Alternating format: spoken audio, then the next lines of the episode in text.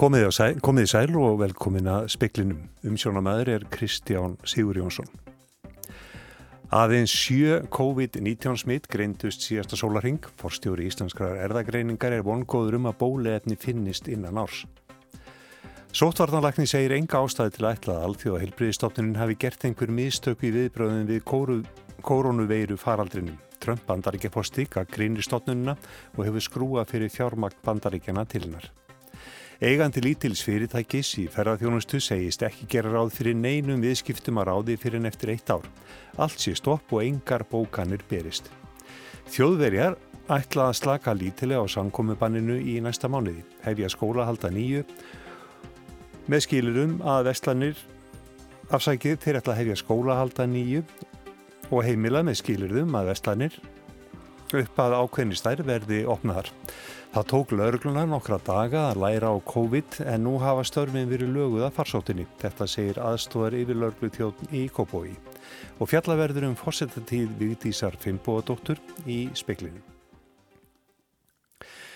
Einungis sjö COVID-19 smitt greindust síðasta sólaring. Þórólfur Guðnarsson, sóttvarnalæknir, segir það ánægilu tíðindi.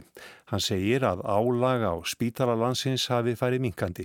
Hann hvetur fólk til að halda áfram að fylgja leifinningum, sérstaklega um handþvott, sprittun, tvekkjametrarreglu og að forðast mannmarka staði. Alls hafa 1727 greinst hér á landi.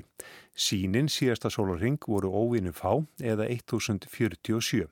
Fjögur smitt greindust í 870 sínum hjá Íslenskri erðagreiningu og þrjú af 177 sínum á veirufræði tild landsbítala. Kári Stefánsson, forstjóri Íslenskrar erðagreiningar, segist bjarsýtn á að bóluefni gegn kórnuvinni finnist innan árs. Kári var gestur á daglugum upplýsingafundi almannavarna og landlæknis í dag. Hann segir að þegar byrja verði að hleypa ferðamennum til landsins hljóta að vera hort til þess hvaðan til koma og til hvaðar ástafana hafi verið gripið í þeim löndum sem fólk kemur frá. Sýnist heimurinn vera allur að, að flytjast yfir á sömu blasíðu um það hvernig eigi að bregðast við þessu. Það eru all flesti sem eru að reyna að byrja stíman af þeirri djær sem við höfum gert. Það eru flestir að fara að byrja að skoða móltefni í blóður framins. Þannig að ég held að hljóti þegar menn fara að velta því fyrir sig hvernig eigu að hleypa fólk inn í landið aftur þá hljóti menn að gera því síð því samhendi. Nei, samhendi við hvað aðrir er að gera. Þú vilt ekki hleypa fólk inn í landið frá landum þar sem hafa raunverulegt gert nokkuð skapaðan hlut. Saði Kári Stefánsson. Alma Möller, landlæknir og Þórólu Guðnarsson, sóttvarnalæknir, brugðust á upplýsingafundi almannavarna í dag við þeim tíðindum að Trump bandaríkjafosti hefði skrúa fyrir fjárveitingar til alltjóða helbriðistofnunarinnar. Ég er alltaf þeirra skoðunar, þeirra ábjátar, þá byrja maður að líti eigin barum áður maður fyrir að bendi aðrar áttir.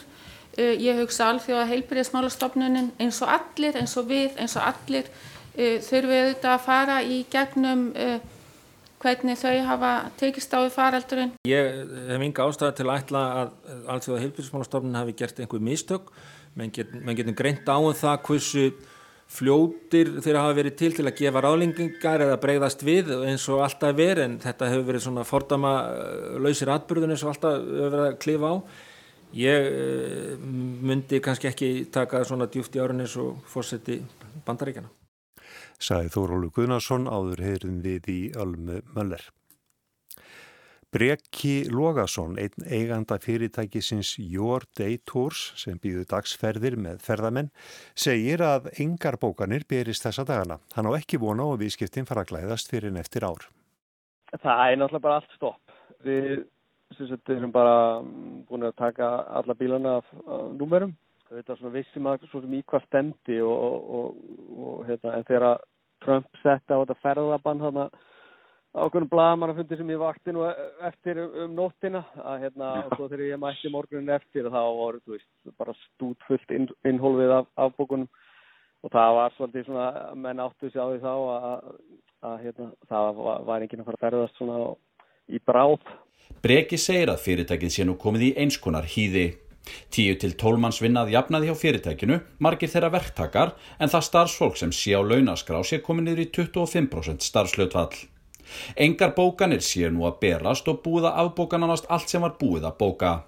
Breki segir að eigendur fyrirtækisins séu þó staðránir í að standa þetta af sér. Sumari 2021 þá held ég að svona, menn sé að horfa þangað þetta sé komið þá í eitthvað líkingu það sem var sko. Sæði Breki Lóasson í viðtali við Jóhann Bjarnar Kolbensson. Ítalæra viðtali við Breka má lesa á rú.is. Slaka verður lítilega á sankomubanninu í Þískalandi í næsta mánuði. Kennsla hefsta nýju og litlar veslanir opnaðar. Veitingahús verða áfram lokuð. Angela Merkel, Þískalandskanslari, held síma fundi í dag með leðtugum sambandsríkjana 16. Þar var farið yfir ástandið að völdum COVID-19 farsóttarinnar og hvort möguleiki væri á að slaka eitthvað á samkomubanninu sem hefur verið í gildi síðustu vikur. Merkel greindi fréttamönnum frá því að fundi loknum að ákveði hefði verið að hefja skólastarf smám saman að nýju frá fjóruða mæ þannig að nefendum verið gert kleift að taka vorpróf. Heimilað verður að verslanir með alltaf 800 fermetra verslunarplási verði opnaðar en einungis ef sínt verður fram á að ítrasta hreinlætis verði gætt. Veitingahús, knæpur og barir verða enþá lokuð um óakveðin tíma. Samkvæmt samkumubanninu hefur fleiri en tveimur ekki verið heimilt að hittast utan dýra nema þeir séu úr sömu fjölskyldinni. Þannig verður það ennum sinn. Fjöldasamkumur verða bannaðar til 31. ágúst að minnstakosti. Þeim sem ferðast með almenningsfarartækjum í Þískalandi verður frá og með næsta mánuði gert skilt að vera með andlitsgrímur. Sumuleiðis mæla stjórnvöld eindreiði með grímum ef fólk fer í verslanir. Ásker Tómasson sæði frá.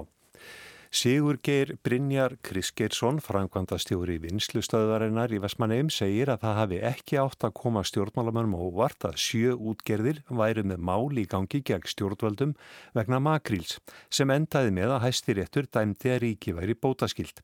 Þær hafa krafist rúmlega 10 miljardar króna í skadabætur. Bæði forsætisráþera og fjármálaráþera gaggríndu útgerðirnar á alþingi í gær og saði fjármálaráþera að ef ríkið hefði ekki sigur í málunu, yrði yrði reikningurinn ekki sendur á skattgræðendur heldur yrði hann að koma frá sjávarútöglum. Það er alltaf bara mjög sérkennilegt, maður hefði svona búist við því einhverjum öðrum ríkjum heldur réttaríki að fara inn á þann veg að það gengur auglustlega ekki að þeir sem að verða fyrir tjóni af völdur ríkisins að þeir séu síðan skattlagði til, til greiðslu á því tjóni sem að ríki allir.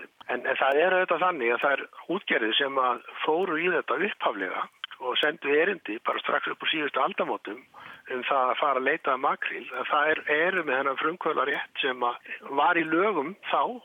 Síðan voru, var reglugjær sett um það að það eitt þegar aftur að fara að kvótasetja samkvæmt lögum. Þá var sett reglugjærið um það að það ættu aðrir að komast inn í það að veiða makril sem, sem þeir höfðu ekki neina veiður einslu fyrir. Og ég skil það alveg sem Bjarni segir að þarna er sko ríkið inn á milli. Síðan 2006 og fram til 2018 hafa útgerðir þess að stunda makrelveðar dreyið að landi 200 miljardar eða aflaverðmætti på 200 miljardar þar sem 71% af því eða 72% réttar að sagt hefur runnið vasaríkis, sveitafélaga, launþeða og annara heldur en útgjörðamannar. Þannig að ég sé ekki annað en að við höfum aldrei slagt talsvert að mörgum til þjóðabúsins fram til þessa dags sagði Sigur Geir Brynjar Kriskesson í viðtali við Þórtísi Arljótsdóttur. Íslensk stjórnvöld og Karlsberg sjóðurinn sem er danskur styrtasjóður gefa Vigdísi Fimbaudóttur fyrirverandi fórseta og Margreði Þórildi danadrottningu sameigilega amaliskjöf. Vigdís er nýræði í dag en Margreði verður áttarað á morgun. Auður Högstóttir, fyrirverandi fórstuðumar stopnunar Vigdísa Fimbaudóttur, segir virtavísindamenn komað amaliskjöfinni sem er rannsóknarsetur um haf, lofslag og samfélag. Setrið verður bæði við Kaupmannahafnar háskóla og og Háskóla Íslands. Karlsbjörnsjóðurinn sem ásinu langa sögu á Íslandi og stórmerkilega, hann hefur lagt til rannsóknar hér alveg hreint langt aftur í tíman. Þeir eru að leggja hvorki meirinu minna en halvan miljard, 500 miljónir í þetta verkefni sem að snýrað hafinu og áhrifu lofstafsbreytinga á hafið og einni á samfélag eða sagt, mannlíf og menningu. Og þetta er sem sagt rannsóknarsettur sem að verður starrekt í 45 ár við þessa tvo háskóla og er sameiglög gjöð til Margréta Danóttrótningar og Vigdísa Fimboðadóttur og ber nafn þeirra. Eru þetta þekktir vísindamenn sem kom að þessu? Þetta er, þetta er uh, fyrir verkefninu mun fara hérna, sjáalífrængur sem heitir Catherine Richardson sem er alveg í fremstu röð á sínu sviði og var eina af þeim fræðimönnum sem Ban Ki-moon kallaði til til þess að vinna að skýslu um sjálfbarni þróun. Þetta var auður Haugstóttir, Kristín Sigurðardóttir talaði við hana.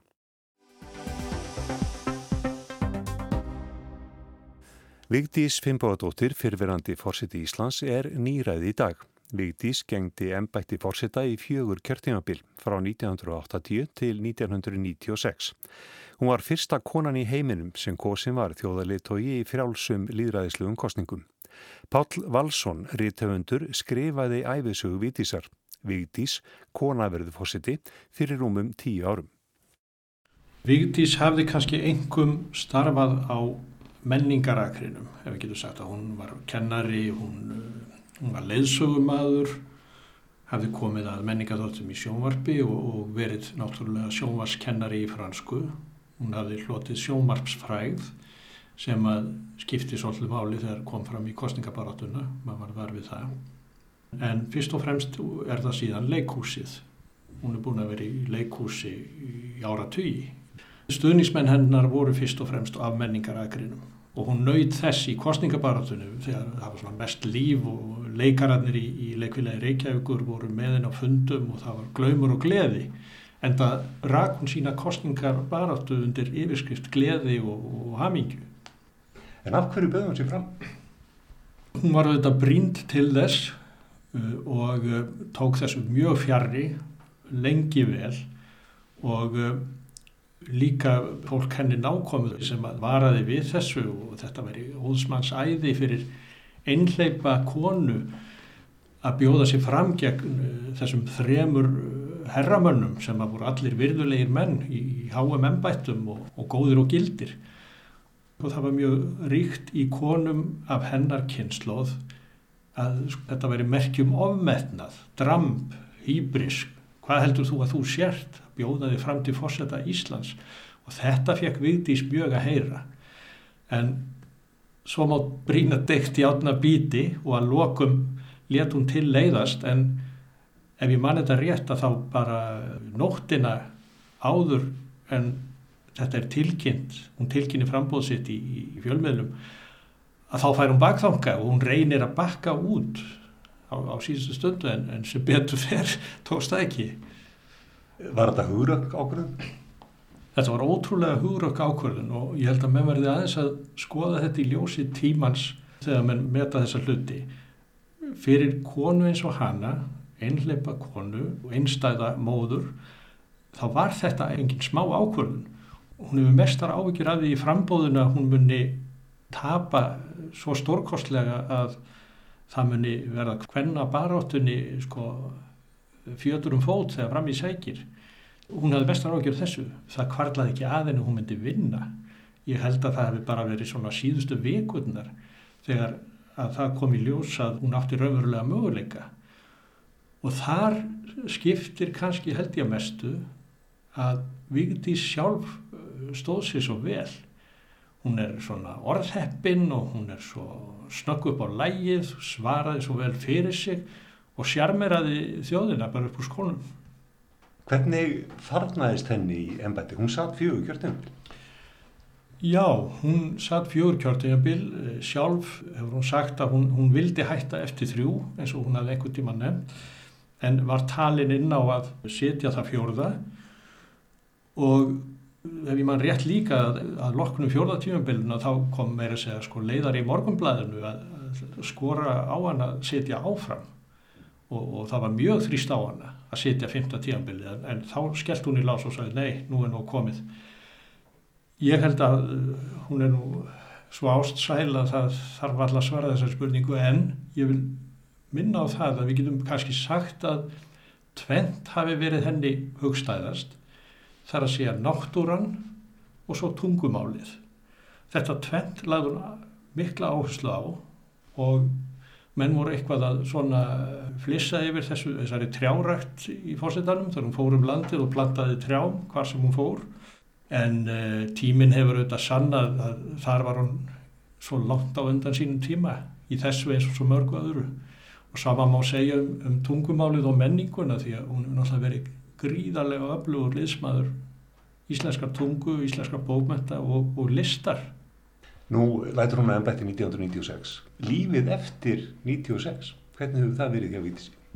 Það var ekki einfalt og hún gerði það nú mjög fljótlega og eftir hún fluttist til útlanda þar sem hún gætt uh, svona gengið um gödurnar í Kaupanahöfn í friði og uh, þetta er nú þannig einu sinni fósetti ávelt fósetti og ég veit að allar gödur síðan hefur fengið lilnulausar fyrirspurnir um að koma hingað og þangað og vera viðstödd þetta og hitt og uh, hún hefur brúðist við því öllu að, dæma farri þolgæði og, þolimæði og stutt hann yfir þjóð sína og líka á erfiðum stundum eins og til dæmis í bankarhundinu þegar hún, hún stegi aftur fram af því að eftir því var kallað. En hvaða þýðingu hafði þessi tími fyrir íslenska konur? Þetta var gríðarlega tímamót. Það var ekki þannig að konur fylgtu sér einhuga á baku viktísi. Því fór viðs fjari og ekki síst voru konur af hennar kynnslóð tregar til þess að styðja hana og Vigdís sagði alltaf ég get vel skilið það vegna þess að við erum ekki þannig aldar upp að við erum að vera að trana okkur fram og ég get vel skilið að, að þegar þær treysta sér ekki sjálfar í þetta að, að þær treysti sér ekki til að styðja mig en kjör hennar það tók okkur svo mörg ár fram í tíma þetta, þetta stitti svo leiðina ekki bara í hvernaframbúðinu heldur líka í svo mörgu öðru tilliti. Ég tel að, að þetta hefur verið gríðarlegt gæfu spór fyrir Íslanding að kjósa auktísi. Þegar að litið er um auksl, virðist svo sem vestu ár íslenskrar þjóðar hafi verið þegar hún let vonleysi ná tökum á sér. Við búum í landi sem einat hefur verið okkur erfitt. Það er ofta ekki á færi okkar að afstýra margskonar vanda sem að okkur steðjar. En við getum brugðist við vandanum. Okkur er gefið vit, okkur er gefið styrkur, haksíni er okkur í blóðborin. Allt þetta og miklu fleira býr í okkur aðeins ef við viljum nýta það en látum vonleisis hjál og úrtölur ekki villa um fyrir okkur. Þetta var brot úr fyrsta nýjárs áarpi Vigdísar Finnbóðadóttur frá 1. janúar 1981. Áður var rætt við Pál Valsson, hæfisugur reytara Vigdísar. Dagskrá í tilefni 90 ára Amalis Vigdísar verður í sjónvarpinu kvöld og hefst hún klukkan 20. Og hér var að berast spáni frétt En fimm sjávarútisfyrirtæki, Eskja, Kjögur, Ísfélag Vesmaneja, Lóðnuvinslan og Skinni Þinganes hafa ákveð að falla frá kröfum á hendur Íslenska ríkinu vegna ágreinings um útlutun aflaheimilda í makril. Alls hafðu sjö fyrirtæki stemt ríkinu og kröfðu störmlega 10 miljardar krónaði skadabætur en nú hafa fimm falli frá málsókn að því framkemur í fréttatilkynningu frá þeim. Vinslustöðin og hugin hafa ekki tilkynnt um að þau falli frá málsókn. Nánar er sagt frá málunu á rú.is.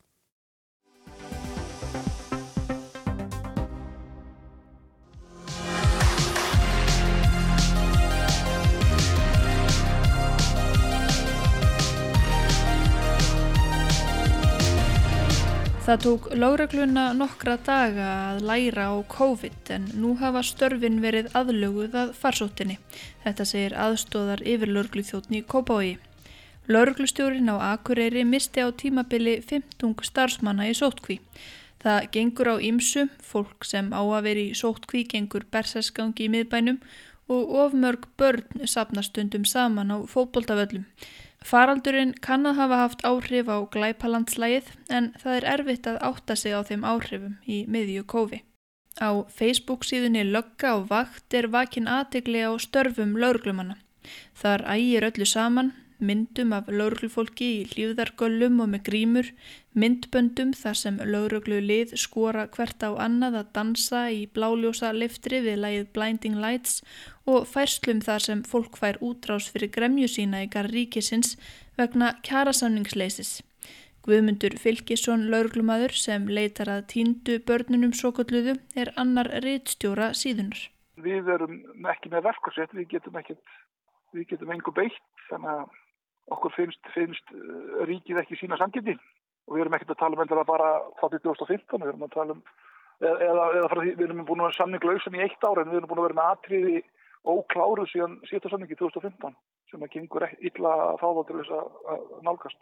Guðmundur segir álægið á stjettina öðruvísi á farsóttartímum og kannski meira andlegt. Það geti verið óþægilegt að þurfa að fara í alklænaði og vettvang þar sem grunur er um smitt og þurfa jafnvel þannig útbúin að kljást við fólk sem mist hefur stjórn á sér. Víðast hvar er búið að skipta upp öllum vögtum og hólfa niður svið og deildir.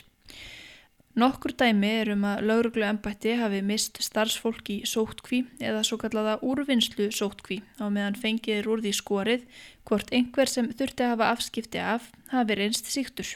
Við höfum haft afskipti af aðeins sem hafa verið sótkví og ekki komið í ljós fyrir en eftir á eða þá aðeins sínir COVID-19 að þá hefur þess aðeins farið í test og á meðan fara laurugluminni byrkví á meðan verið að koma niðurstað úr testinu, hvort það sé neikvæmt eða jákvæmt.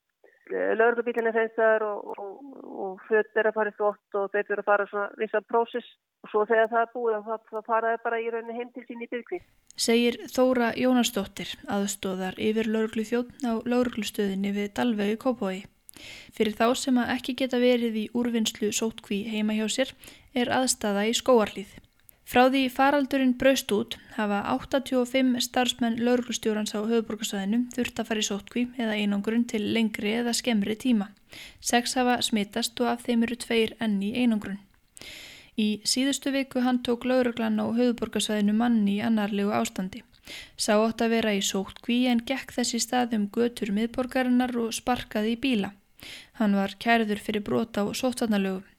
Þóra hjá laurugluna höfuborgarsæðinu segir mikið hugaða smitvörnum í vettvangsferðum. Í rauninu hefur bara stíðið það að hérna, breyta okkur svolítið aðkoma okkar að hverju útkalli fyrir sig í, með COVID við hlið okkar og, og það hefur bara gengið ótrúlega vel að vísu svona tók smá tíma bara að koma sér í þennan gýr og að nota maska og hanska og fleira en, en ég, mér finnst það að hafa gengið bara mjög vel og og til að mynda í, í umferðinni við erum að stoppa aukutæki aukumann fyrir umferðaða brota þá, þá ræðum við bara við aukumann þar sem hann situr undir dýri bara í sínum bíl og tökum það bara upp á botikam. Ef aukumæður er undir áhrifum áfengis eða fíknefna er enn hafður svo háttur á að taka hann upp í bílinn og fara með hann á stöðina. Fyrir auðvitað það að við reynum að setja maska og hanska á viðkomandi aukumann og okkur sjálf þá líka. Halla Bergþóra Björstóttir, lauruglustjóri á Norðurlandi Istra, misti í upphafi faraldur sinns tæplega 15 lauruglumanna í sótkví eða úrvinnslu sótkví. Þar af tvo sem að hittu ástrálska mannin sem lesta völdum COVID-19 á Húsavík. Halla segir alla þjónustu við almenning óskerta og öllum útköllum synd, verklag og verkefni hafi þó breyst. Eitt af nýju verkefninum sem að lauruglan tekst á við er eftirlit með samkómutakmörkunum. Halla segir til dæmis hafi verið farið í verslanir til að kannakvort settar hafi verið upp merkingar og þá hafi laurugla þurft að tvístra börnum að leika á fótboltaföllum. Stefán Vagn Stefánsson yfir laurugluþjóðn á Söðarkróki hefur enn ekki mistnið starfsmann í sótkví. Sjálfur hefur hann ekki synd almennum löggæslu störfum síðustu vikur. Hann og tveir aðrir lauruglumennasvæðinu sinna aðgerðastjórn almannavarna, engum í tengslum við hópsmitið á kvamstanga. Stefán segir að lauruglan hafi ekki þurft að sekta fyrir brota á sótvarnalögum eða leysu upp samkomur. Þá segir hann það ekki hafa komið að sög þó þeim fækkaði sem að sinni almennri lögjastlu, verkefni lauruglu á Norðurlandi vestra sé að stórum hlutatengt umferð og með vingandi umferð fækki slísum og umferðalagabrótum. Þóra aðstúðar yfir lauruglu þjótt í Kópái segir að glæpa minstrið verðist hafa breyst, til dæmis sé meira um netbrót ímiskonar. Lauruglan hefur einni áhyggjur af því að heimilisofbeldi og ofbeldi gegn börnum kunnað aukast. Bráðabyrða tölur lauruglunar á höfuborgarsæðinu yfir afbrot í marsmánuði sína að tilkynningum um þjófnað og innbrot hefur fækkað töluvert samborðið við síðasta ár. Umferðarlagabrotum hefur fækkað mikið og mun færri eru gripnir undir áhrifum. Tilkynningum um heimilisofbeldi fjölgaði frá í februar og voru um 5% fleiri en að meðaltali í marsmánuði síðustu þrjú ár. Rannveig Þóristóttir, félagsfræðingur og sviðstjóri hjá lauruglunni á höfuborgarsvæðinu segir erfitt að tengja sveplur í afbrótatíðinni beint við faraldurinn. Auðveldara verði að átta sig á áhrifum hans þegar að framleiða stundir. Hún segir töluverða fækkun á innbrótum, þá hafi netglæpum fjölgað eitthvað. Heimilisofbeldismálum hafi verið að fjölga frá því haust og ekki ljóst hvort eða hver miklu leiti megi tengja aukninguna nú við COVID-19. Þá megi vera mál skilisir ekki strax. Lauruglan hafurði vörfiða að fólk haldi að álægið sé mikið og vilji því síður tilkynna brott. Það sé hins vegar ekki raunin. Arnildur Haldanadóttir tók saman. Það hefur vakið nokkra aðtikli að rúmlega fjórfald fleiri hafa látist í svíþjóðavöldum COVID-19 en á Íslandi og í Nóri með við mannfjölda. Ísland og Nóruður viðast vera svipuðuróli en svíþjóð sker sig úr. En hvað veldur þessu? Og í símanum eru þeir Gísli Kristjánsson í Oslo og Kári Gilvarsson í Götaborg. Fyrst þú Kári, já það eru yfir 1200 látnir í Svíþjóð. Hvaða skýringa er gefin á þessum? Já, sá sem er í forsvari fyrir þetta hér, Anders Tegnell, sóttvarnalæknir, hann hefur gefið þær tíkaf í dag þær skýringar að það veri hátt dánartíðinni hérna meðal annars vegna þess að það væri ekkert land í heiminum sem að væri jafn nákvæmt og svíþjóð í að fylgjast með því hvort fólk deyri vegna COVID og gaf þenni í skýna að líklega sé í flestum öðrum löndum verið að vannmita dánatíðina talsverð. Hann viðkendir endar að norðmenn séu líklega að mæla á seipaðan átt og svíjar og, og það er dánatíðin mjög, mjög læri og svo saðan að það væri óhefilegt hversu mjög þetta hefði breyðst út á sjúgrunar og elli heimunum hér í landinu og það er náttúrulega fólk sem er mjög viðkvæmt fyrir. Svo er líka spurning miðað hvað maður eh, miðar hann, eh, hún var bent á að það veri láta ámatíð í Þýskalandi, Danmark og Noregi en hann sagði að hún væri eins og mjög há í New York á móti. Gísli, staðan í Noregi er allt önnur. Já, hér hafa maður á tilfinningun að þessi komnir yfir toppin og það drægi úr síkingu dag frá degi og núna fer það ræðu um svona að, að slaka á hér hafa menn beitt mjög hörðum lokunum, það er engin skólar opnir, ekkert, ekkert kaffehús engin ekkert opnið, engar líkamsrækta stöðvar, þannig að hér hefur verið beitt þessari hörku að, að loka og, og reyna að, að reyna að hefta útbreyðsluna á hann verra verður. En eh, Kári, já, svíjar hafa farið alltara leiðir en bæði Norður og Ísland eins og heyram á Gísla höftin er ekki nærri eins mikil í Svíþjóð, veitingastæðar og kaffihús opinn, já, hvernig er staða núna? Já, hún er eiginlega þannig að enginn veitt nákvæmlega hver hún er. Það hafa 12.000 mann sem hafa greinst með vírusinn eh, en svo að gera stikkpröfa fyrir viku í Stokkólumi sem að bendi til þess að 2,5% íbúa þar væri með veiruna. Það væri þá um 50.000 manns. Þannig að, já, uh, það er ekki verið að pröfa nála því að mikið og, og annar staðar og ég hef svona tilfinningunni að á svona krísutímum þá reynir fólk að eh, ræða beinti yfirvöld frekar en að fara í fjölmila og gera mál úr þessu þannig að það myndi draga svolítið úr samstöð og, og erfiða vinnuna. En gaggrinnisrættirnar hafa mun orðið háverður og háverðari ofnberlega undanfarið og til dæmis í dag var professor í smittsjúkvömmakræðum að krefjast þess að Stokkólmi, það er því sett á útgöngumann í Stokkólmi, það var löst og að Andrsteg Mell sóttornalæknir eh, hætti Einlega, það er talið að sko, grundvallarættir í þeim börnum sem hafa verið hér eða fólk sé heima ef það er með einhver enginn. En nú benda margir víldamenn á það og, og segja að yfirvöld hafi ekki hlustað á sig þess að það farið í fjölmiða. Við benda á að e, það bendir allt til þess að fólk smiti af þessum sjúkdómi áður en það fær sterk enginni. Og ef það er svo, þá dugir ekki að vera heima ef maður er með enginni. Það þarf að fara í sóttkví þannig að maður sé heima áður um maður byrja að smita. Í Nóri heyrast miklar gagnirínist að rattir þá gagvart uh, sótvarnar yfiröldum eða beinist uh, þessi gagnir kannski fyrst og fremst að svíjum?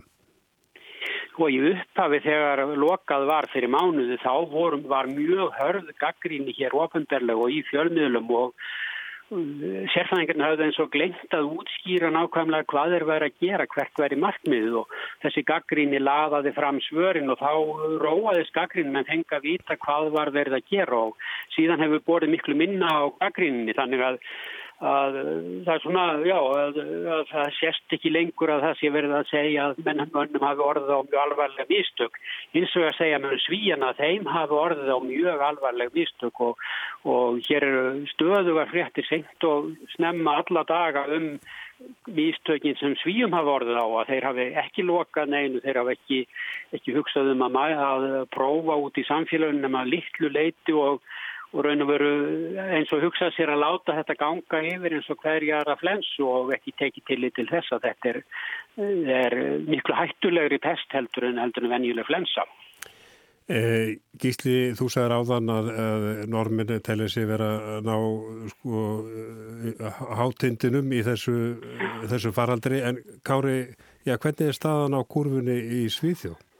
Já, ef maður tekur döðsföll þá uh, þau voru á tímabili 80-90, jáfnvel yfir 100 á, á hverjum sólaring sem, sem voru talin og, og það hefur aðeins mingað, það er eitthvað að plása á, á gjörgæslu deildum en já, það finnum bara svolítið eftir í hvernig maður talar hvort að hérna, hvort talað er við e, sótrætanleikni eða, eða gaggrínundir hans. E, það eru margir sem eru mjög svartínir en, en heilbriðis yfirvöld segja að e, þetta sé svona standa í stað og, og það sé bjartara framöndan.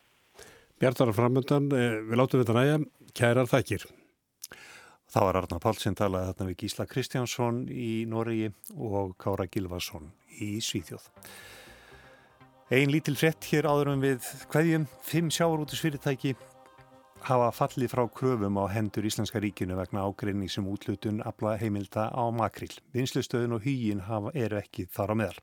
Tæknumæður útsendingu var Jón Þór Helgason, veriði sæl.